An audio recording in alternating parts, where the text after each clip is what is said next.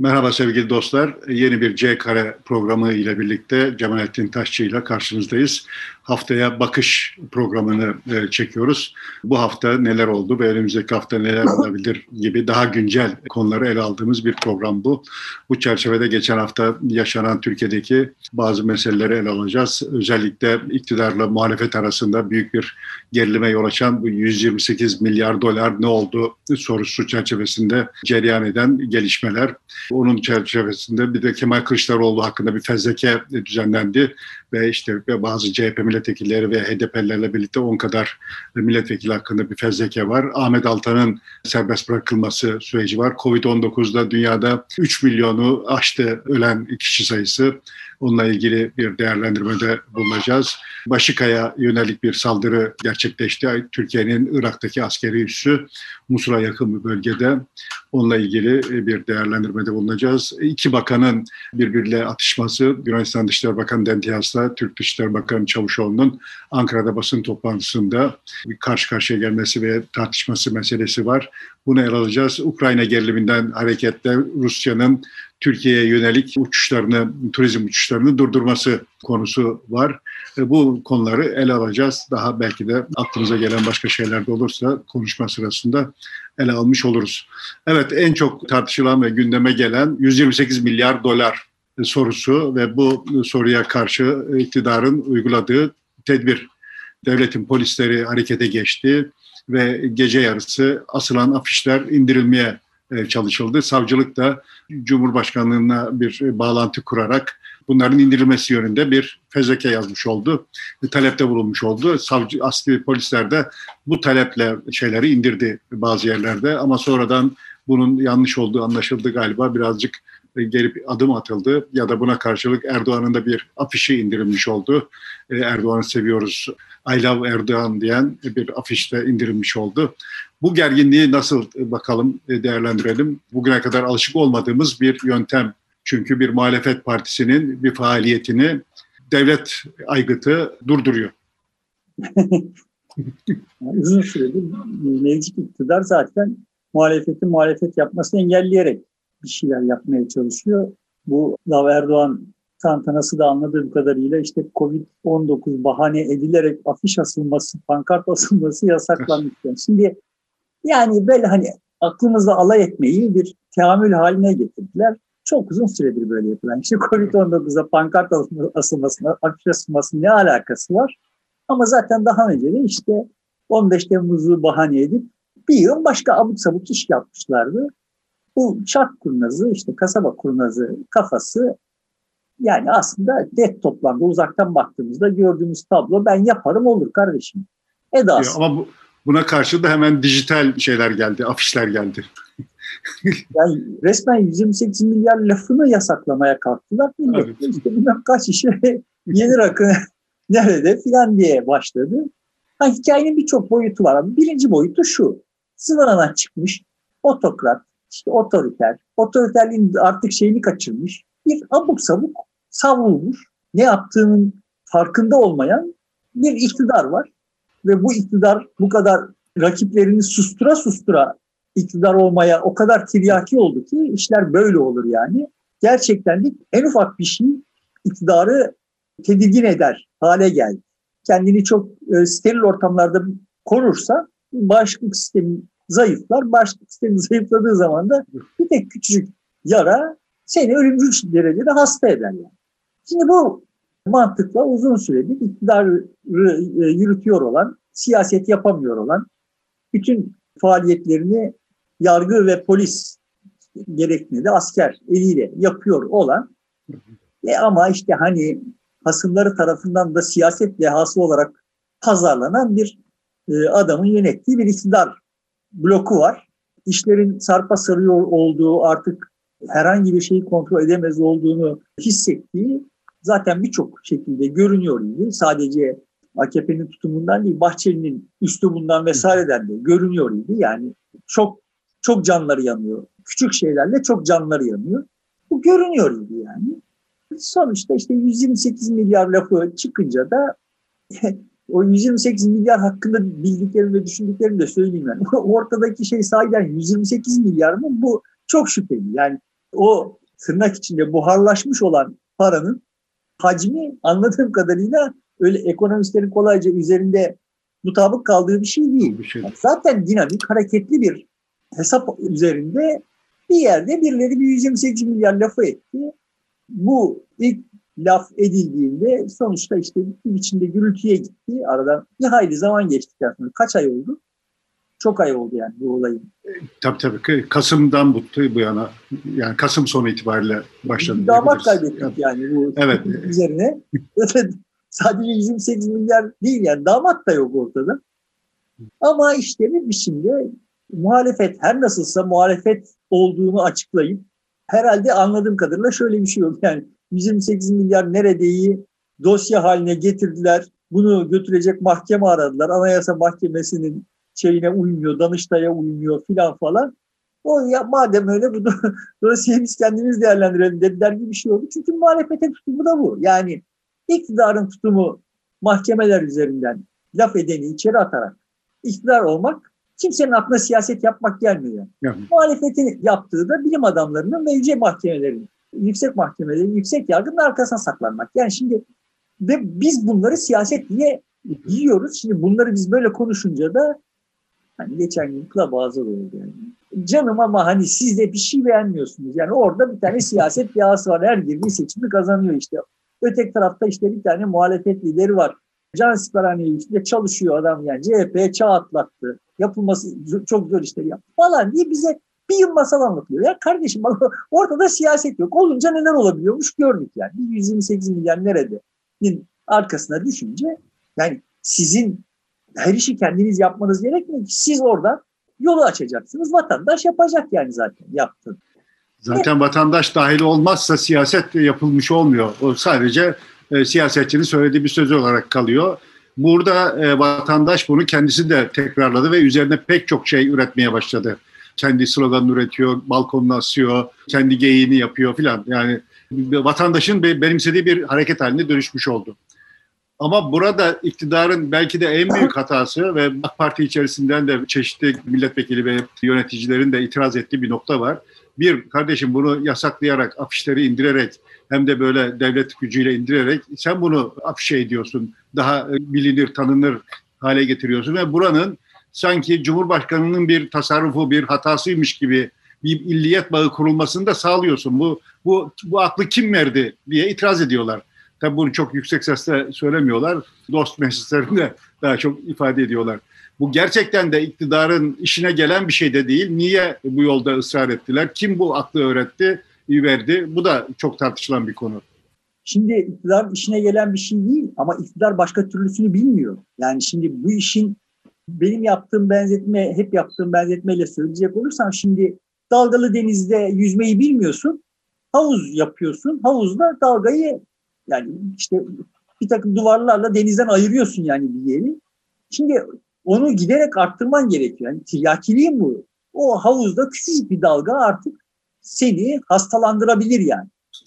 Bu işe gösterilen, iktidar tarafından gösterilen reaksiyonun iktidara yaramadığı çok aşikar.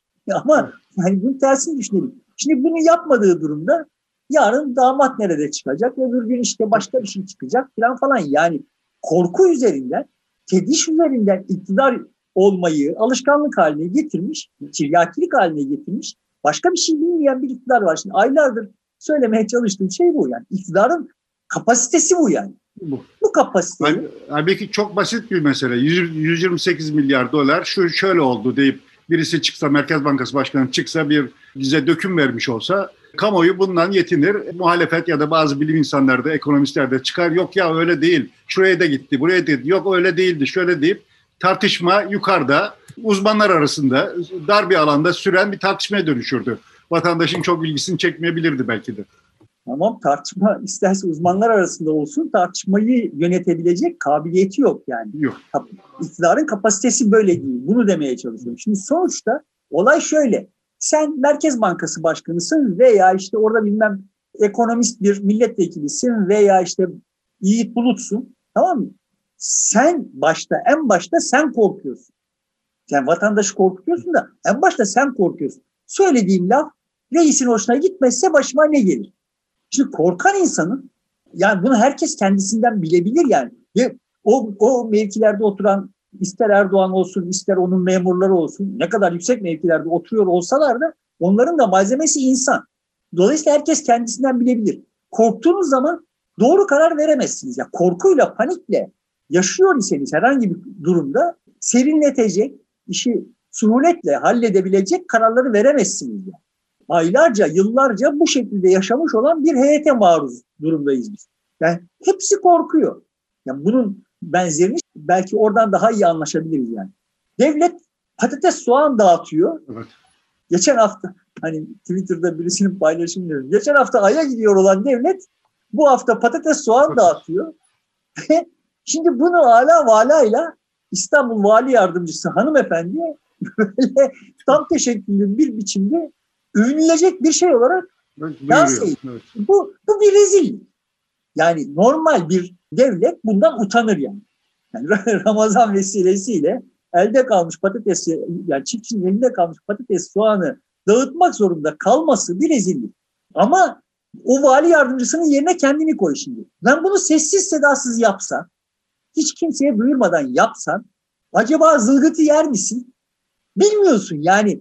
Şimdi her şey bu kadar keyfi olunca o anda herhangi birisinin yaptığı herhangi bir yorumla bir iş yapılıyor. O yapılan iş burada bir takım yaralanmalara sebep oluyor. Bu sefer onu telafi etmek için orada birisi kendisi durumdan vazife çıkarıp bir halt yiyor ve böyle saçaklanıp gidiyormuş.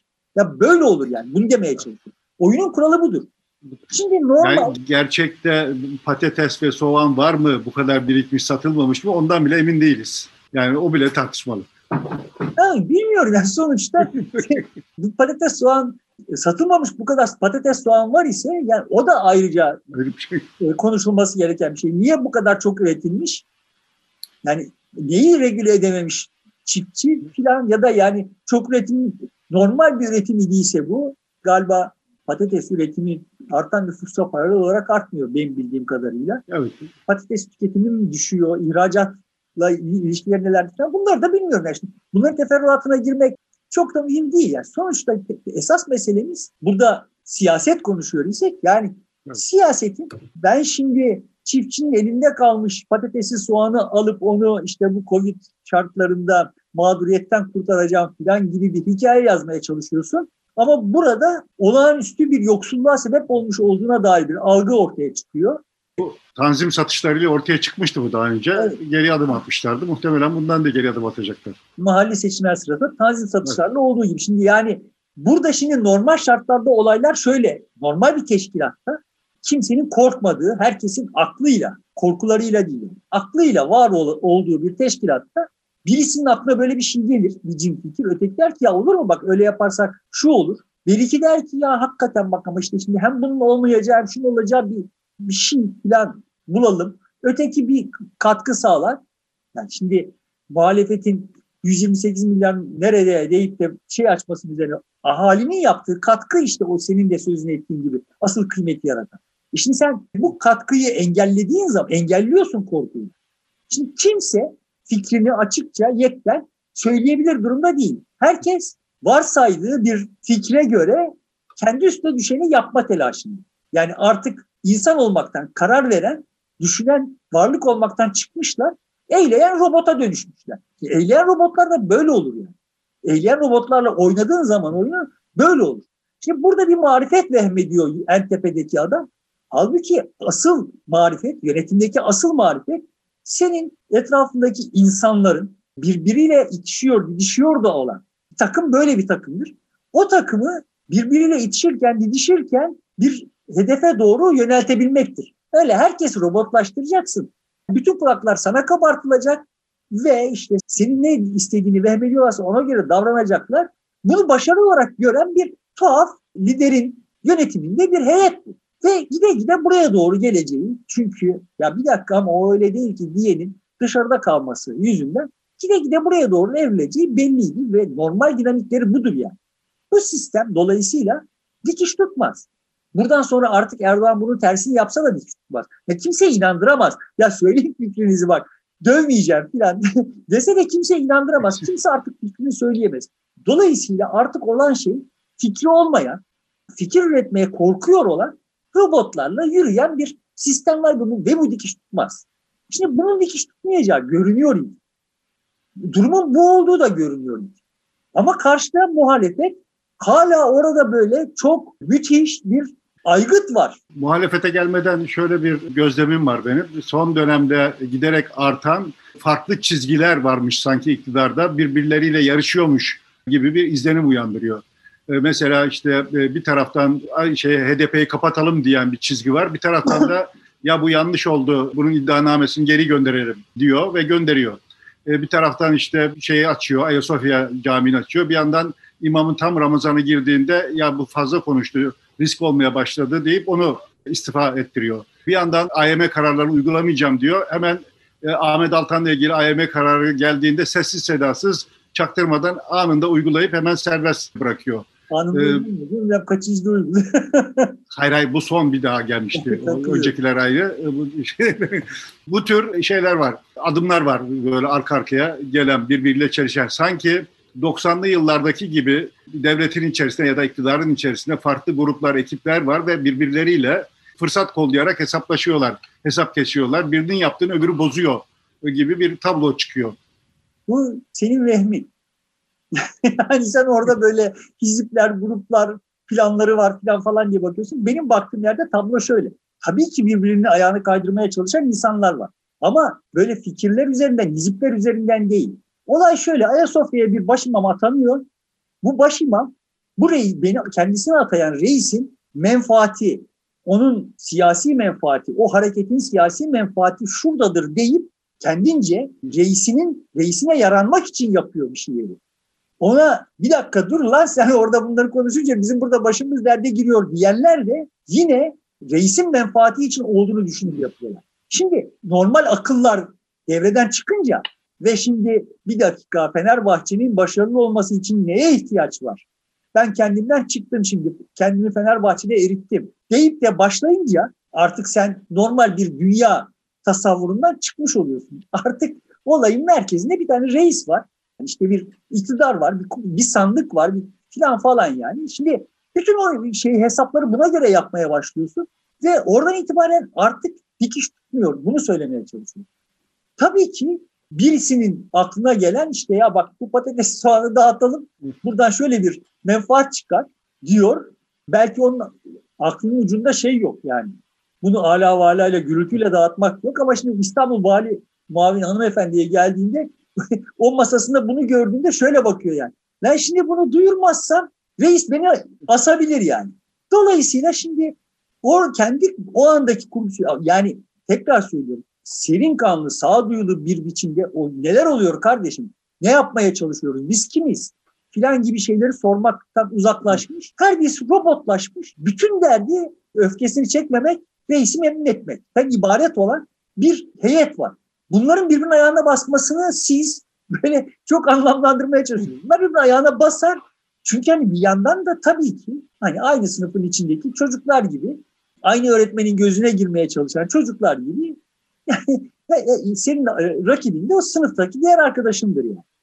Yani, do, kadar... dolayısıyla veh, vehmetsek de başka türlü olsa da fark etmiyor. Sonuç tablo şu, birbirinin ayağına basan e, insanlar var. Birinin yaptığını diğeri ama, bozan, ama, boşa çıkartan daha doğrusu böyle bir kaotik bir ortam var yani. Bu böyle hizipler var işte hani böyle farklı farklı akış mecraları hayal ediyorlar da bunlar birbirle çelişiyor falan gibi hikayeler yazmanın alemi yok. Yani, yani son derece basit bir biçimde öğretmenin gözüne girmek isteyen çocukların teneffüsteki itişmesi bu yani.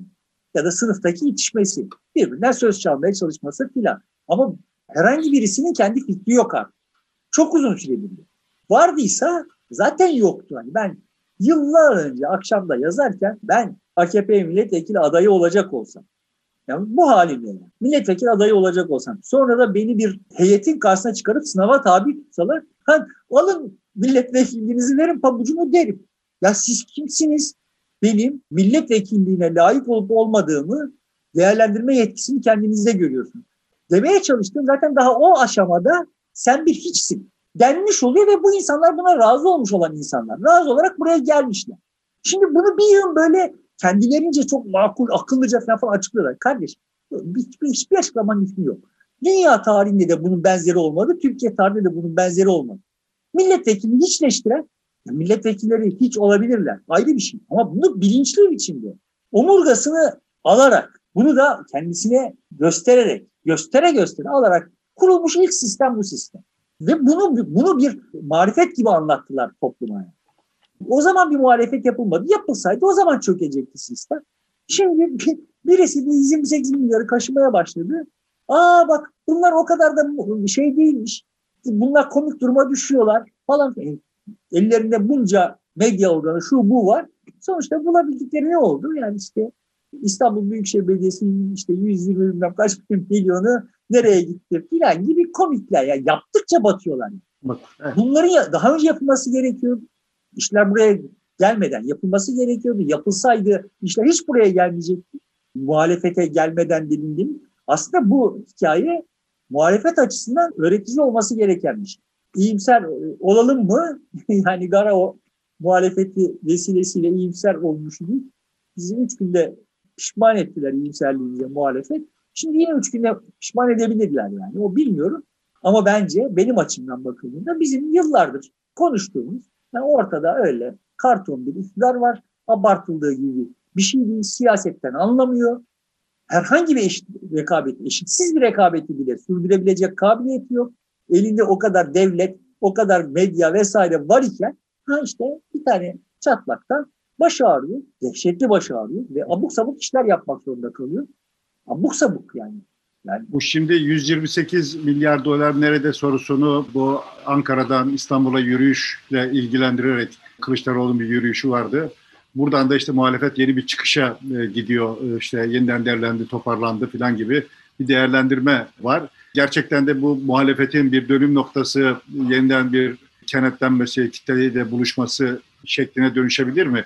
Gerçi ben o yürüyüşe bu kadar önem atfetmiyordum ama hala da etmiyorum. Buradan böyle bir şey çıkar mı? O yürüyüş yani daha önce konuştuk zannediyorum. Yani sonuçta Kılıçdaroğlu kendi koltuğunu kurtarmak için icat ettiği bir şeydi. Ya. O yürüyüşten şu bilgi çıkarılabilirdi. Yani öyle vay topluma ulaşamıyoruz. Bütün medya iktidarın elinde. Bak biz topluma ulaşamıyoruz. Zaten de bu toplumun işte ağırlıklı kesiminin dertleri bunlar değil filan falan gibi şeyleri yanlışlayan bir göstergeydi o. Ama CHP'nin tarzı işte ben yapacağım siz seyredeceksiniz tarzı olduğu için yani toplumla oynamaya yanaşmadığı için oyunları yani o tür oyunları oynamayı beceremediği için daha doğrusu bütün siyasetimiz böyle. Yani. CHP'nin alamet farikası bu da. Dolayısıyla oradaki dalgayı, dalganın ne manaya geliyor olduğunu anlamaya yanaşmadılar. Bak işte biz muhalefet olarak üstümüze düşeni yaptık mı yaptık karnemizi verin biz gidelim. Edasıyla o, onu kendi kendine sönümlendirdiler. Yoksa yani vatandaş orada Aa bak burada bir düğün var deyip şevkle heyecanla katılmış idi. Şimdi burada da tablo böyle. Ve CHP buradan asıl öğrenmesi gerekeni öğrenebilir mi? Ben çok şüpheliyim artık yani.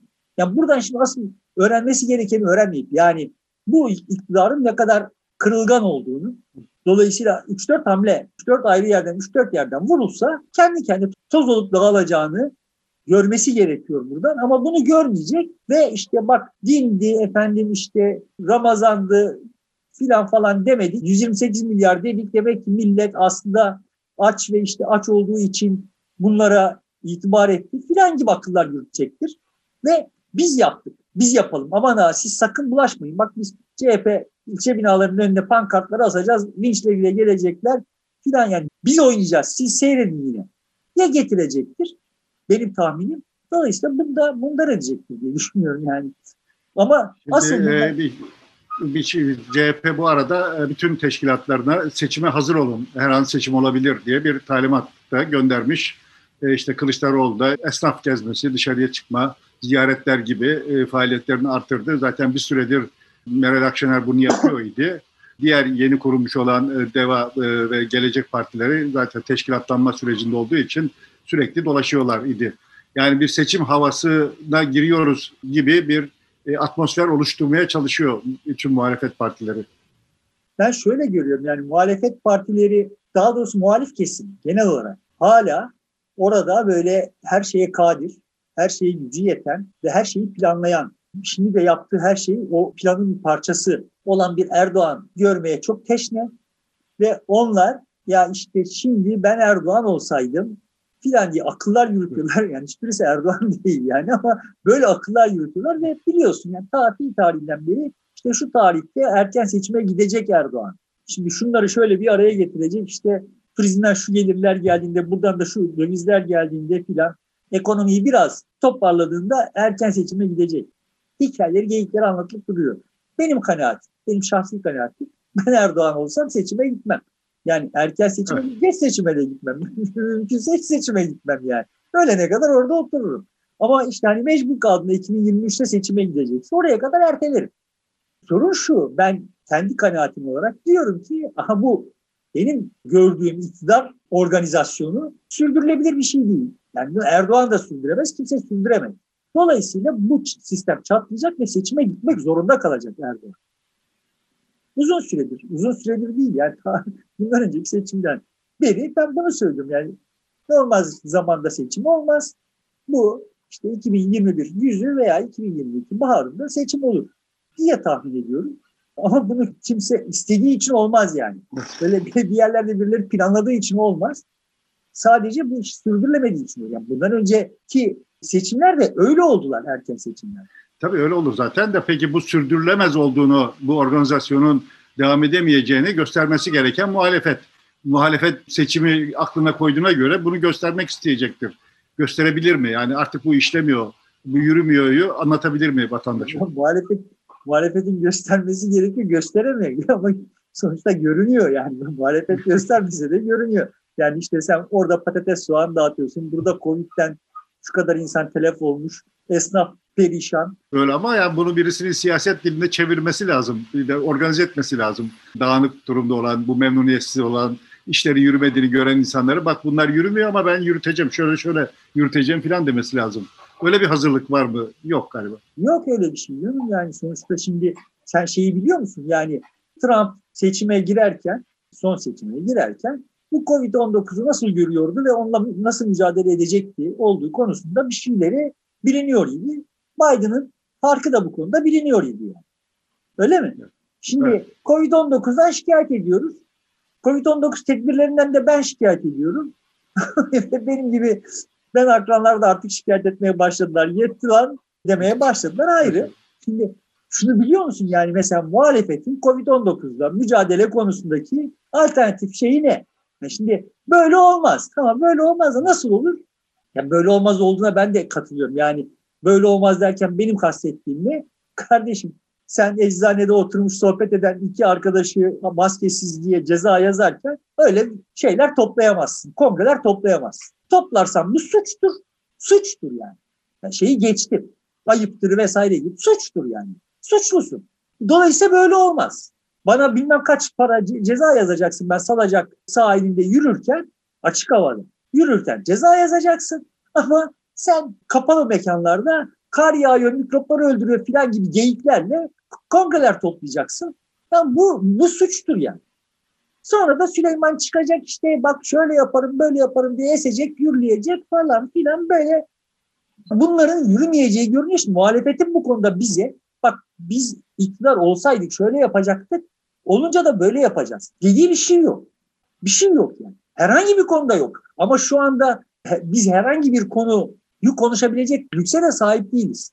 E bizim bütün Türkiye olarak ve bütün dünya olarak senin hayatının herhangi bir döneminde şu son işte 60 küsur yılda herhangi bir anda Kıbrıs Savaşı vesaireler falan falan da dahil olmak üzere toplumun bütün kesimlerini hatta dünyanın tamamını bu kadar net bir biçimde aynı gündemde birleştirecek bir şeye şahit oldun mu? Hepimizin biricik, hayatımızdaki biricik tecrübe bu.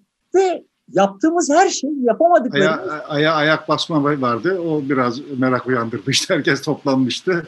Ama o genelde yok tabii. Ay, o bir anlık bir şey ya. Bu şimdi tabii, tabii. bir yıldır sen bu işi yani senin işini efendime söyleyeyim işte eşinle ilişkini akla yani okulunu akla gelecek gelemeyecek her şeyini birinci dereceden ilgilendiren bir bir konu var yani. Hayatın tümünü etkiledi. Doğru. Evet. Ve şimdi bu konuda doğru dürüst konuşamıyoruz. Yani millet güzel güzel konuşuyor, tartışıyor kardeş. Biz şimdi bu konuda konuşamıyoruz doğru dürüst. Tartışamıyoruz ve biz şunu bilmiyoruz yani Ya kardeşim siz olsanız ne yapacaktınız ya? Yani niye aşı? Şimdi evet.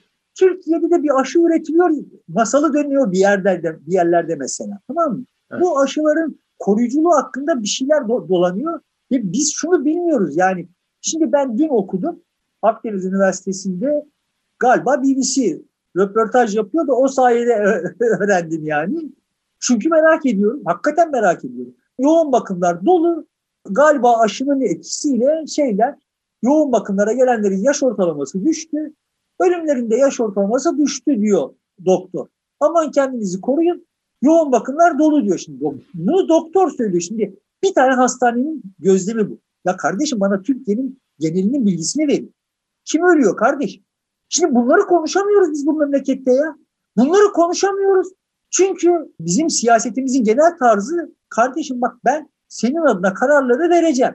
Senin işin uyumak. İktidarının tavrı bu, muhalefetinin tavrı bu. Bana şimdi bir tane muhalefet çıksa burada desek ya bu iş böyle olmaz ya. Bu ahalinin kendisinin inandığı bir program olmadan zaten bu ölçekte bir şeyle mücadele edilemez. Filan falan dese anında malı götürecek. Anında götürecek. Sana kalıbımı basarım ya. Ama bu işlerine gelmiyor. Gelmiyor yani. Ve bunu yapanlar ya bu işlerine gelmeden bu oyunu oynayanlara biz siyasetçi diyoruz. Ya Türkiye'nin sıkıntısı burada kardeş. Türkiye'nin sıkıntısı orada Erdoğan'ın burada Kılıçdaroğlu şurada HDP'nin falan falan meselesi değil. Türkiye'nin sıkıntısı siyaset denen tantananın böyle abuk bir kavrayışla yürütülüyor olması. Ondan sonra ha Erdoğan'dan şikayetçiyiz onu devireceğiz Akşener'in mi peşinden gidelim Mansur Yavaş'ın mı İmamoğlu'nun mu filan gibi. Şimdi buradan siyaset sonra siz de tabii hakkınız yani bir meslek sahibisiniz de o meslek icabı acaba iktidarın içinde şöyle bir takım hizipler mi var falan filan diye arıyorsun. Ya böyle bir şeyler... E şimdi siyaset e, toplumda konuşulmuyor. Sivil toplum örgütleri zaten yok toplum sessiz. Ama siyaset siyasi partiler içerisinde de görüşülmüyor ve yapılmıyor. E, dolayısıyla siyasetin olmadığı bir yerde doğal olarak biz hizipler arayacağız, gruplar arayacağız. Ay, Onlar ne yapıyor filan diyeceğiz. Haklısın ama işte benim işaret etmeye çalıştığım şey bo- boşa gitmesin. Yani söylemeye çalıştığım şey şu bak. Covid gibi bir şey ilk defa başımıza geliyor ve hepimizin hayatını birinci dereceden ilgilendiriyor. Yani dindarının dincisizinin, sonuçta Türkçüsünün Kürtçüsünün değil mi yani? Hangi platformda bakarsan bak yani eşcinselinin eşcinsel düşmanının, Suriyelisinin Suriyeli düşmanının, herkesin hayatını Nasıl? aynı anda... Ve de kalıcı bir şekilde etkiliyor. Evet.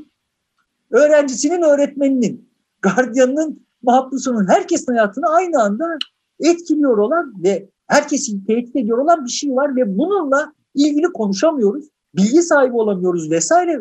Ve biz şunu bilmiyoruz. Ya kim bu kararları neden alıyor? Yani şimdi niye hafta sonları şöyle bir kısıtlama geldi de işte Ramazan'dan önce o yoktu. Şimdi Ramazan'da niye şu şöyle oluyor? Planları konuşamıyoruz. Buradan böyle yani vatandaş dili döndüğünce konuşuyor. Sen siyasetçilerden bu konuda ya o öyle değil bak aslında böyle yapılması gerekiyor ve biz gelirsek böyle yapacağız diye bir şey duydun mu ya?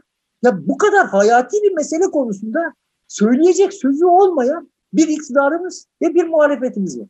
Sonuçta şimdi hepsinin yaptığı şey şu. Orada bilim kurulu, kurulu var. Biz o bilim kurulunu şimdi çalıştırıldığından daha iyi çalıştıracağız. Yani yani bilimin arkasına saklanıp bu kadar ciddi bir toplumsal problem var ortada. Sosyal, sıhhi ve ekonomik. yani bunu konuşamıyoruz biz ya memlekette. Bunu konuşamıyoruz.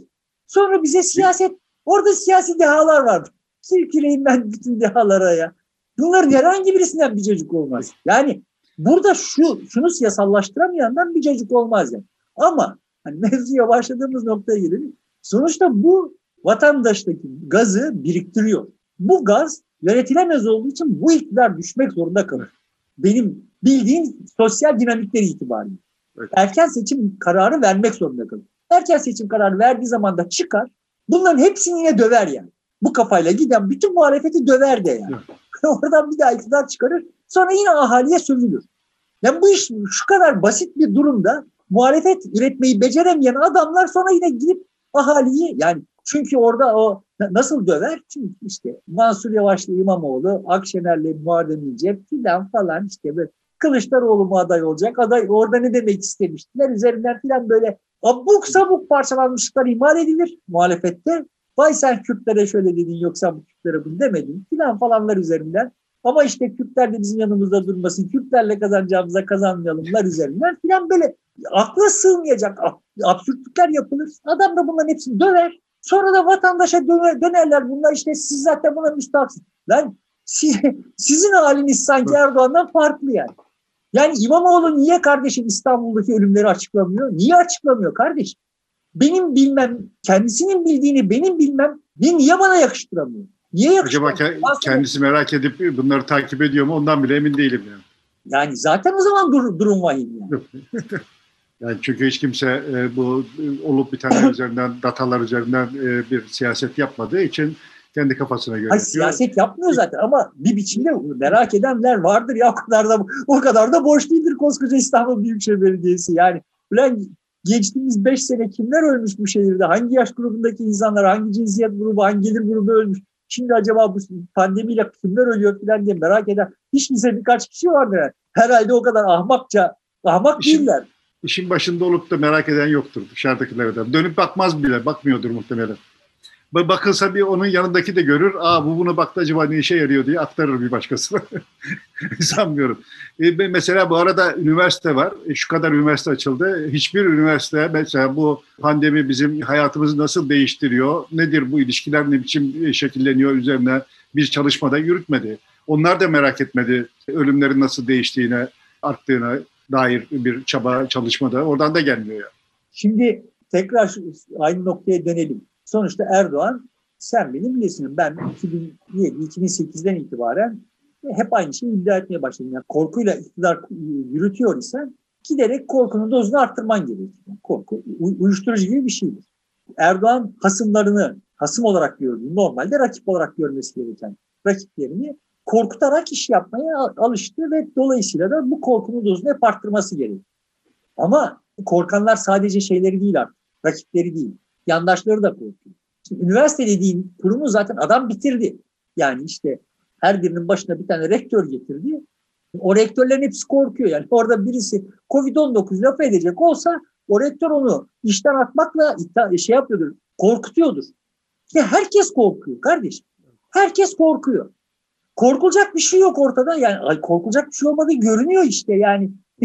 Adam orada 128 milyar nerede dediği anda o millet vatandaş hikayeyi yazıyor yani. Korkulacak bir şey yok. Adam 128 milyarı açıklayamıyor. Yani belki de hiçbir şey olmadı yani. Belki de her şey çok meşru yani. Ama bunu açıklayamıyor yani. Çünkü kabiliyeti yok. Kapasite yok. Şimdi kapasitesi olmadan korkutuyor olan bir şey var. Ama işte bu korkuyu muhalefet hep besledi. Çünkü işte la adam her seçimi kazanıyor kardeşim. Türkiye tarihinde benzeri görülmemiş bir siyasi dehayla karşı karşıyayız filan gibi masalları sittin senedir yazıp duruyorlar. Sonra kendileri inandılar bunlar. Herkes inandırdılar.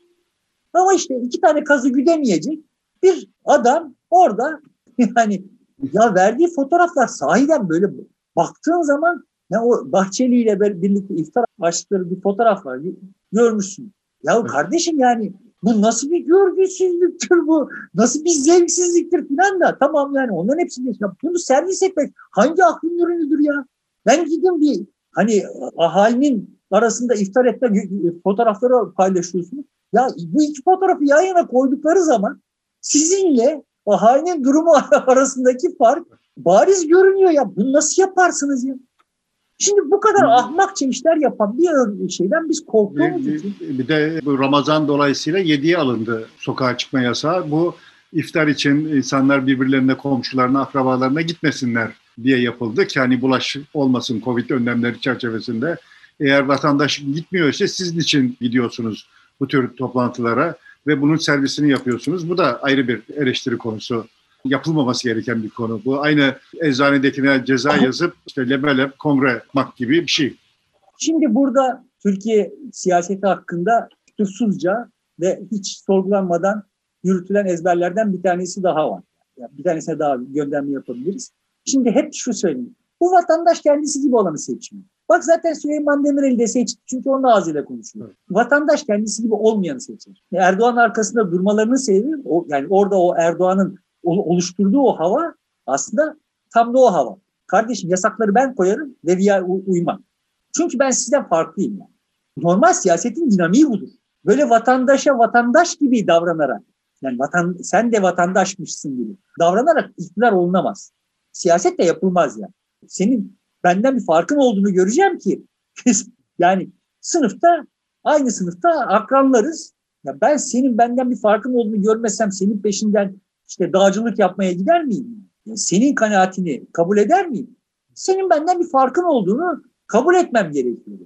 Dolayısıyla hani o 7'de şeyleri koydular, yasakları millet gitmesin diye ama kendileri gidiyor işte onu göze sokmak için yapıyor. Onu insiyakla yapıyor. Yani şimdi akılla yaptıkları hepsini de çuvallıyor, insiyakla yaptıklarını böyle nokta vuruşlar yapıyor. Çünkü bu konuda ezberleri yok. Tekrar ezberleri var. Vatandaş kendi gibisin. Yani niye seçsin kardeşim vatandaş? Vatandaş şunu bilmez mi yani? Lan içimizden birisi başkan olabiliyor ise ondan sonra artık biz sen olacaksın ben olacağım diye birbirimizi yeriz. Dolayısıyla bizim içimizden birinin başbakan, başkan olmaması gerekiyor. Yani farklı birinin olması gerekiyor. Yani bu sosyal şeyin en derininde, genetiğinden derininde var olan bir şey bir bilgi yani. Böyle ama Platon'dan, Sokrat'tan referanslarla bunlar akıl diye yayılıyor ve işte böyle gidiyor yani. Neyse biz bir evet. konuyla bütün programı... Bitireceğiz gibi. Aslında pek çok şeyi de konuşmuş olduk. Covid'i de konuştuk. Bu arada dünyada 3 milyon çıktı, ulaştı. Yani bu da bir şey yeni bir dalga da geldi e, diye söyleniyor. İngiliz varyantı diye. Söyleyeceğim başka bir şey varsa ilave edelim. Buradan devam edelim. Ya ben Covid'i başımıza geldiğinde o Diamond Princess gemisindeki istatistiklerden yola çıkarak kendimce bir öngörüde bulunmuş idim ve 3,5 milyonla 10 milyon arasında insan ölür gibi bir kanaate varmıştım. 3 milyonu geçti. Resmi veriler olarak. Bu muhtemelen işte aslında 3,5 milyonu geçtiğimizi, yani 4 milyonu geçtiğimizi gösteriyor. Çünkü birçok yerde e, dünyanın her yerinde fazla ölümler var. Covid'le açıklanmıyor. Bilahare sonradan bunları analiz edecek fırsatımız olacak olarak geride kalanların öyle fırsatı olacak yani. Şimdi bu benim açımdan bakıldığında aslında bir açıdan bakıldığında hesabı şöyle yapabiliriz. Bu tedbirler falan filan hikaye. Bu salgınların kendi dinamikleri var ve işte kimi götüreceklerse onları götürüyorlar. Yani. Böyle bakılabilir. Ama beni şaşırtıyor olan ve beni çok her anlamda üzerine düşünmeye sevk ediyor olan hikaye şu. Hem biz ilk defa, tarihte ilk defa bir pandemide pandemi bitmeden onun aşısını geliştirdik. Ve bununla bu pandemiyi yenebilirsek, yenebilirsek, aşabilirsek bu insanlık açısından bambaşka bir tecrübe olacak yani. Ama görünen o ki aşıyı geliştirmiş olmak bile bu pandemiyi bloke etmekte yeterli olmadı. Yani lokal olarak İngiltere'de filan yani çok ciddi aşılamanın üstünden şeyi açtılar. Sosyal hayatı açtılar. O da ibretlik bir şey. Yani hani bu pandemi insanlarda işte böyle korkulara, kalıcı kaygılara yol açacak insanlar insanlara dokunmaya korkacaklar falan diye. Akıl yürütenlere de o ibretlik bir ders olsun. Yani millet bütün bir gece kucak kucağa yaşadı. bütün sokaklarda. Ya insan insanı özler kardeşim ya. Yani insana insan lazım. Her neyse sonuçta şimdi onun sonucu ne olacak onları kestiremiyoruz. Bilmiyoruz yani. O açılmanın sonucu ne olacak. Ama eğer aşı başarısız olursa o başka bir hikaye, aşı başarılı olursa başka bir hikaye. Fakat yani pandemi kendi dinamikleriyle gidiyor. Nereye kadar gideceğini de öngörmek çok giderek zorlaşıyor yeni varyantlar yüzünden. Net toplamda ağır bir fatura, insani fatura bırakacak ve daha sürecek gibi de görünüyor yani. Hani pandemiyi konuşmak isteyen nasıl bir şeydi. 3 milyon eşiğini geçirmiş olmasıydı. Çok hızlı geçiliyor artık. Evet yani bir yılda geçti zaten süreç baktığımızda e, bir yıl dört ay diyebiliriz. Çünkü Aralık'ta başladı. Hadi ilk ayların başlamasak bile tam dolu olarak bir yılı geçti. Yani Türkiye'deki tablo işte bir yılı biraz geçti ve sonuçta şey bu hani böyle üçüncü dalga falan filan denecek bir şey değil yani. Asıl dalga bu gibi görünüyor çok. Bunu kontrol edemezsek katliam ya. Sonuçta sağlık sisteminde buraya kadarki şeyde iyi kötü bel vermeden gelmişti ama şimdi görünen o ki zaten hastaneler de artık kapasitesi sorun yaşar, yaşar duruma düştüler. İşte Mayıs başında birazcık aşağı inecek falan deniyor. Zirve geçmiş geriye dönüş başlayacak deniyor ama tabii bunlar hepsi tahmin. Önümüzdeki şeyde göreceğiz. Buradan bir istersen bu kripto para düzenlemesi geçti. Resmi gazetede de yayınlandı. Yasaklandı. Bunun hiçbir şekilde ticari olarak kullan ödeme şeklinde kullanılamayacağı e, ifade edildi. Tam tersi belki hani sisteme alınacağı şeklinde bir be- beklenti vardı ama öyle olmadı. Yani şimdi yasaklamanın mahiyetini çok iyi anlamadım. Aslında piyasayı da çok iyi bilmiyor olduğum için yasaklamanın mahiyetini anlamadım. Ama anladığım kadarıyla işte bankalar ve bu aracılık yapıyor olan kripto paralar aracılık yapan kurumlar dışında bir şeyler yasaklanmış. Yani orada neler vardı da yasaklandı onları bilmiyorum. Ama işte bir ödeme aracı olarak kullanılması yasaklandı. Bir işler zaten ödeme aracı olarak kullanan da yoktu anladığım kadarıyla. Hikayeyle beni ilgilendiriyor olan temel şey yanlış anlamıyoruz yani. Eğer ilk defa Türkiye Cumhuriyeti Devleti'nin resmi kayıtlarına kripto paralarla ilgili bir bir düzenleme giriyor. Hmm. Yasaklamanın falan falan bunları yani bir şeyler yasaklanıyor ise o yasaklamaların hiçbir manasında olmadığına kalıbımı basarım. Olsa olsa ne olur?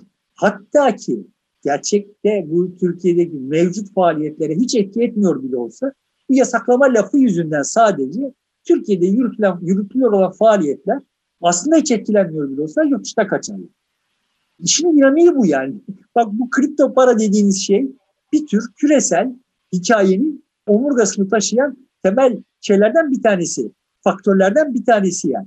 Ve ya bak bunu, bunu zapt edemezsiniz. Bildiğiniz bildiğiniz kavramlarla bunu zapt edemezsiniz. Civa gibi bu. Buradan sen şuraya kayacak bir şey. Bunun anlaşılmamış olduğu görünüyor ama yani iyi kötü devlet ha bak kripto para diye bir şey var ve ben onu tanıdım da demiş oluyor bu evet.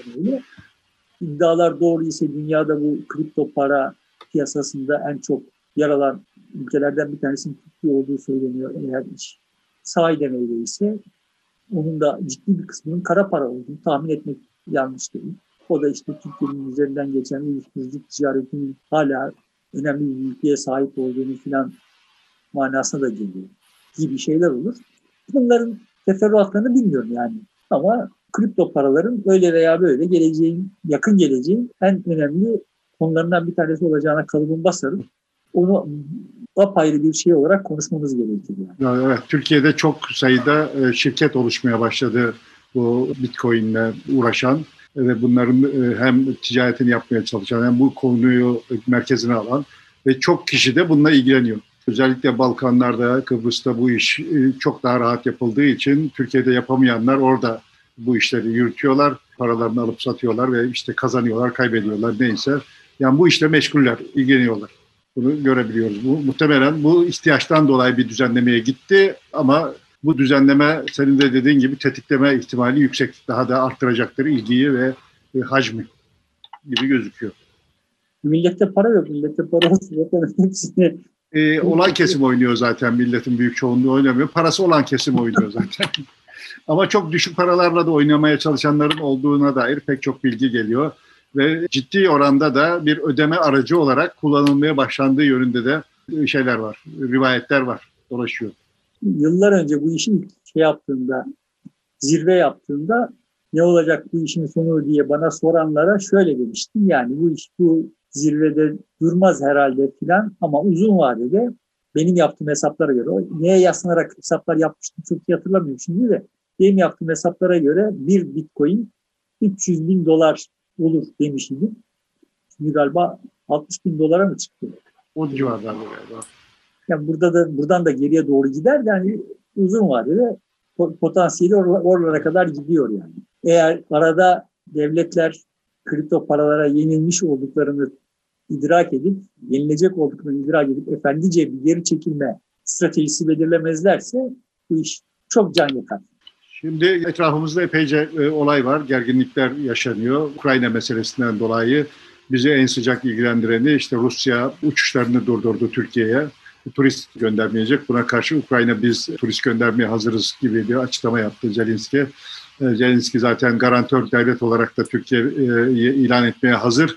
Yeter ki siz kabul edin falan diye Türkiye'ye çok sıcak bakıyor filan ama hem e, bu var hem işte Türkiye ile Yunanistan arasında meseleler çok iyi gider iken bir süreç başlamışken en azından kamuoyu önünde tartışma değil de görüşme görüntüleri öne geçmişken atmosferi birdenbire yeni bir tartışma da yaşandı. Ankara'da misafirken Yunanistan Dışişleri Bakanı Nikos Dandias ve bir basın toplantısında durduk yerden bir tartışma başlattı. Bilerek isteyerek bir tartışma yaşandı.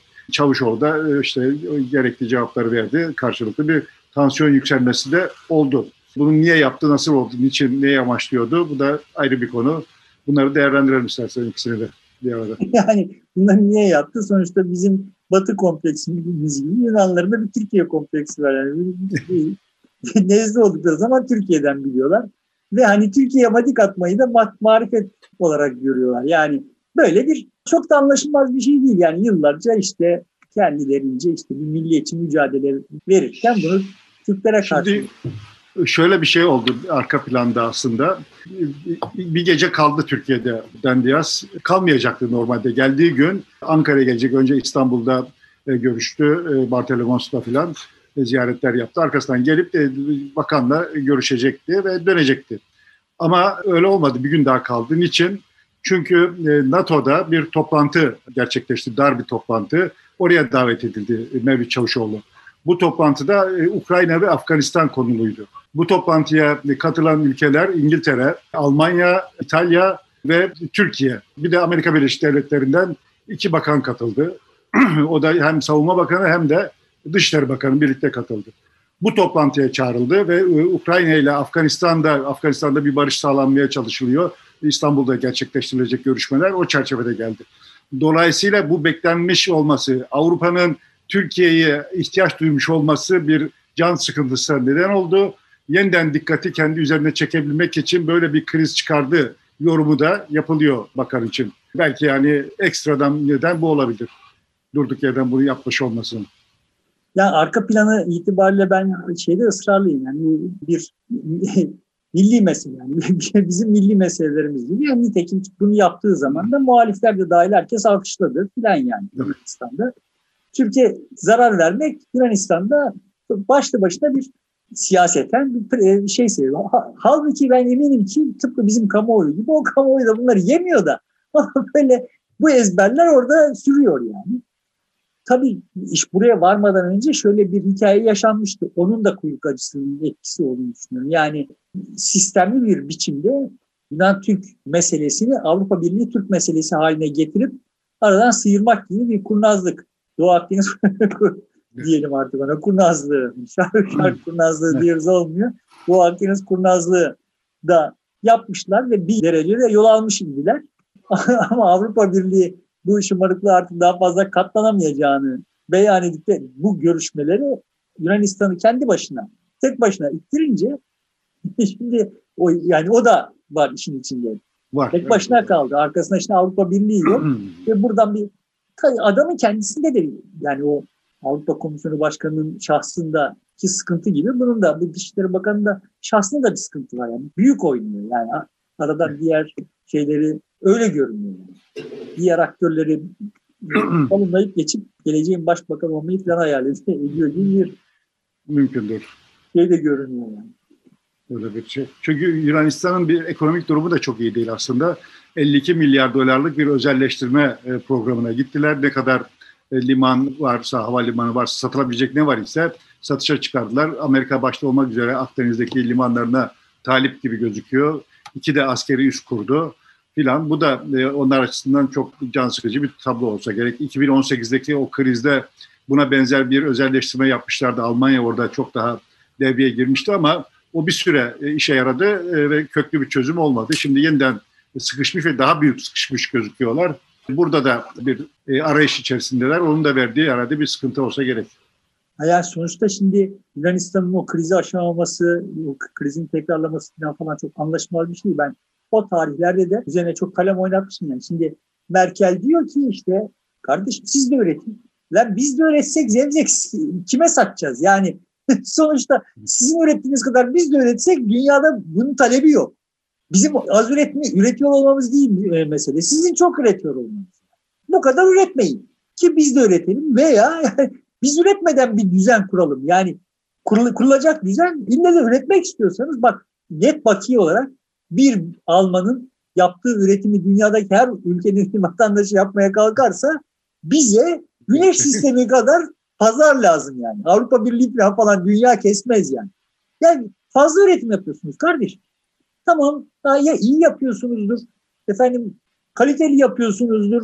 Yüksek verimlilikle yapıyorsunuzdur falan ama eğer bu siz bunu sürdürdüğünüz sürece dünyanın bir takım yerlerinde birileri üretim yapamayacak. Yani. Yunanistan bunlardan birisi yani. Yani Yunanistan'ı sırtınıza taşımak zorundasınız. Taşıyacaksınız. Ve şimdi o zaman şey demiyorum. Tamam şimdi başladı ya bu Merkel Papandreou hikayesi demiştim. Başlar şimdi Ağustos böceği ve karınca hikayeleri. Nitekim başladı. Lan bu anasını sattımın herkes karınca gibi olduğu zaman bu dünya yaşanır bir dünya değil. Yani birilerinin bir Ağustos böceği yapması lazım ve yani o Ağustos böceği de Yunanistan işte. Ulan bakacaksınız yani işte ne güzel çalıp söylüyor. Bakacaksınız Yunanistan'a. Say, sayfiye olarak kullanacaksınız. Tatil merkezi olarak kullanacaksınız. Evet, parayı yani. vereceksiniz ya başka. E Eskiden şimdi, öyleydi zaten. Sen şimdi Euro'nun düşmesine mani oluyorsun. Senin şeyinin Mercedes'lerinin değeri düşmesin diye. O zaman Yunanistan'ın tatil merkezleri Türkiye'ye karşı şey kaybediyor, pozisyon kaybediyor. Evet. Ama yani bunları umursamayacaksın. Sonra 5 4'e 8 milyon insanı da sırtta taşıyamayacaksın. De gidin Allah aşkına demiştim o zamanlar yani. Böyle Avrupa Birliği mi olur? Sonuçta ben orada Yunan, Yunanistan'ı haklı buluyorum. Yunanistan buradan çıkamaz. Çıkamaz. Sonuçta hiç kimse çıkamaz. Türkiye de çıkamaz. Türkiye'ye böyle üretim üssü, filan falan gibi hayallerle böyle ekonomik bir takım gelecekler vermeden benim akranlarım anlamakta zorlanıyor da gençler umuyorum anlıyorlardır. Böyle bir böyle bir dünya yok yani. Almanya'nın ürettiği kadar kaliteli Mercedes'i biz de üretirsek dünyada Mercedesleri denize dökmek gerekir. Hani fazla hamsi denize döküyorlar ya. Ya da şimdi fazla çayı yakıyoruz ya. Yani fazla Mercedesleri yakmak gerekir. Yani. Böyle bir dünya yok ya. Zaten lüzumundan fazlasını Almanlar üretiyor. Şimdi bir de Çinliler eklendi. Çay işi de apayrı bir iş ya. Türkiye'de bu kadar çok çay tüketiliyor. Neredeyse tüketilen tek şey içecek çay ama çay kur zarar ediyor. Bu da ayrı bir konu. o kadar üretim var mı? O da ayrı bir şey. Onun üzerine konuşulabilir yani. Çay çay bahsiyle ayrı bir mühim şeylerde konuşabiliriz çünkü çay her bakımdan mühim bir şey yani. Evet doğru. Bu program İstersen bu baş, e, Başıkaya bir saldırı var. Onunla ilgili bir, birkaç şey söyleyeyim. Böylece bitirelim e, programı. Epeyce e, ilerledik. Başıka'da bir üssümüz var Türkiye'nin. Bu Musul'a yakın bir bölge, bir plato üstte ve çok muhkem yapılmış bir e, askeri üs. Bu DAEŞ saldırılarından sonra, e, Musul'a saldırmasından sonra yapıldı. Musul, Sincar, Şengal yani e, ve Tel gören yer. Türkiye'de 85-90 kilometre mesafede. Yanında da bir Amerikan üssü var ama Amerikan üssünden çok daha muhkem bir yer. Öyle omuzdan roketle falan e, atış yapılabilecek bir yer değil. Çevresinde üç köy var ama köyle de sanki bütünleşmiş gibi e, ilişkileri çok iyi diye söyleniyor uzaktan bir roketle atıldı ve iki köye de isabet etti ama bir askerimiz orada şehit oldu. Aynı gün ve saatlerde Erbil havaalanında Amerikalıların kullandığı bölüme de bir roket saldırısı e, gerçekleştirildi. Orada bir can kaybı olmadı. Bunun ikisinin aynı anda gerçekleşmiş olması e, önemli. Ne oldu da aynı anda gerçekleşti ve Amerika ile Türkiye hedefmiş durumuna geldi Irak'ta. Türkiye'nin değerlendirmesi ve pek çok gözlemci Haçlı Şabi'nin bunu yaptığını söylüyor.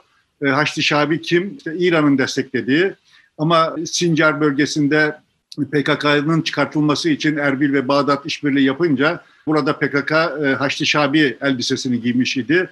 E, iç içe geçtiler, birlikte oldular.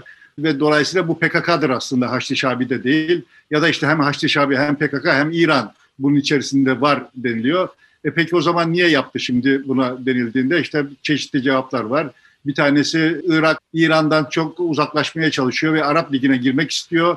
En son Riyad'a bir e, ziyarette bulundu başbakan. E, bu büyük oranda da kabul gördü. İşte Arap Ligi'ne girmek üzere. E, buna itiraz olarak bir yaptılar. Türkiye'de zaten Arap Ligi'ne girmesinden yana tutum alıyor. Bir de Türkiye'nin Şengal'e bir operasyon yapma, buradan PKK'nın çıkartılmasını isteme gibi bir hedefi var. Şengal'in özelliği ne? Asıl özelliği iki Kürt bölgesi hem Erbil'in hem de Rojava'nın tek geçiş noktası. Rojava'nın dünyaya açıldığı tek yer aslında, hava alabildiği tek yer. Bütün arçeliği de, şeysi de, buzdolabı da, fırını da, bütün ihtiyaçları da aslında o kapıdan görülüyor. Buraya eğer Türkiye girerse o koridoru bütünüyle kapatmış olacak. Bundan büyük bir itiraz var. Bu operasyonu yapmasın diye. Eğer Gara operasyonu beklendiği gibi gitmiş olsaydı arkasından bu operasyon gelecekti diye söyleniyor. Halihazırda Türkiye şu anda İHA'lar ve SİHA'lar üzerinden askeri bölgede bu başkada bir uçuş yapıyor, sürekli gözetliyor başladı. Ama Türkiye zaten Irak sınırını işte 30 kilometre derinliğine kadar, kimi yerde 20, 25, 30, 35'e kadar günde 70 ile 75 saat e, uçuş yaparak yani 5-6 SİHA ile, İHA ile ve e, uçakla gözetliyor 24 saat boyunca deniliyor. Yani buradan harekette işte Türkiye'nin bu bölgeye bir operasyon yapacağı şeklinde değerlendirmeler de var. E, bunu da bu şekilde değerlendirelim. Bu önümüzdeki hafta devam edecek bir konu gibi gözüküyor. E, muhtemelen hem Clubhouse'da başlatacağımız haber değerlendirme programında hem de gelecek hafta bu konuyu değerlendirmiş olur. Diyecek bir şeylerim varsa onları da söyleyelim ve bitirelim. Yani sonuçta tabii Orta Doğu'da bir de hani İran'ın maruz kaldığı bir saldırı da var. Ortada da taşlar yeniden diziliyor. O görünüyor yani. Ya, o çok zaman alacak gibi görünüyor. Ben hani Orta Doğu'nun ciddi bir küresel savaşa sebep olabilecek bir potansiyeli olmadığını düşünüyorum artık ama ama kendi içindeki bir düzenleme mücadelesi uzun zaman alacak gibi görünüyor. Burada hani Türkiye çok yapıcı bir rol oynayabilirdi. O konuda da çok ümitli değil. Şimdi Afganistan'da e, Türkiye belki belki bir rol üstlenecek. Orada da bozucu rol oynayacaktır yani. Düzenleyici ee, Yani şimdi bu iktidarın dünya tasavvurunda bir şey düzenlemek yok yani. Başkasının oyunu bozmaktan başka bir şey değil. E, dışarıda biraz farklı yürüyor gibi işler ama Afganistan'da taraflar arasındaki görüşmeler Türkiye'nin aracılığıyla Katar'da başladı ve o görüşmeler belli bir noktaya geldikten sonra İstanbul'da yapılacak şimdi 24 Nisan'la 4 Mayıs arasında uzun süren bir e, konferans dizisi olacak. Burada işte NATO'nun askerleri ve Amerikan askerleri çıkacaklar Afganistan'dan. Aslında Mayıs başında çıkacaklardı ama şimdi 11 Eylül'e ertelenmiş oldu. Süreç içerisinde yavaş yavaş çıkacak. Peki onlar çıktığında orada nizamı kim sağlayacak? Barış gücü olarak Türkiye'nin oraya girmesi e, beklentisi var. İşte Irak'taki bu gelişme, o bunlar arasında bir bağ var mı yok mu? Onu önümüzdeki süreçlerde herhalde e, daha yakından göreceğiz. Diyelim bitirelim. Peki sevgili dostlar burada e, bu programı bitiriyoruz. Görüşmek üzere. Şimdilik hoşçakalın.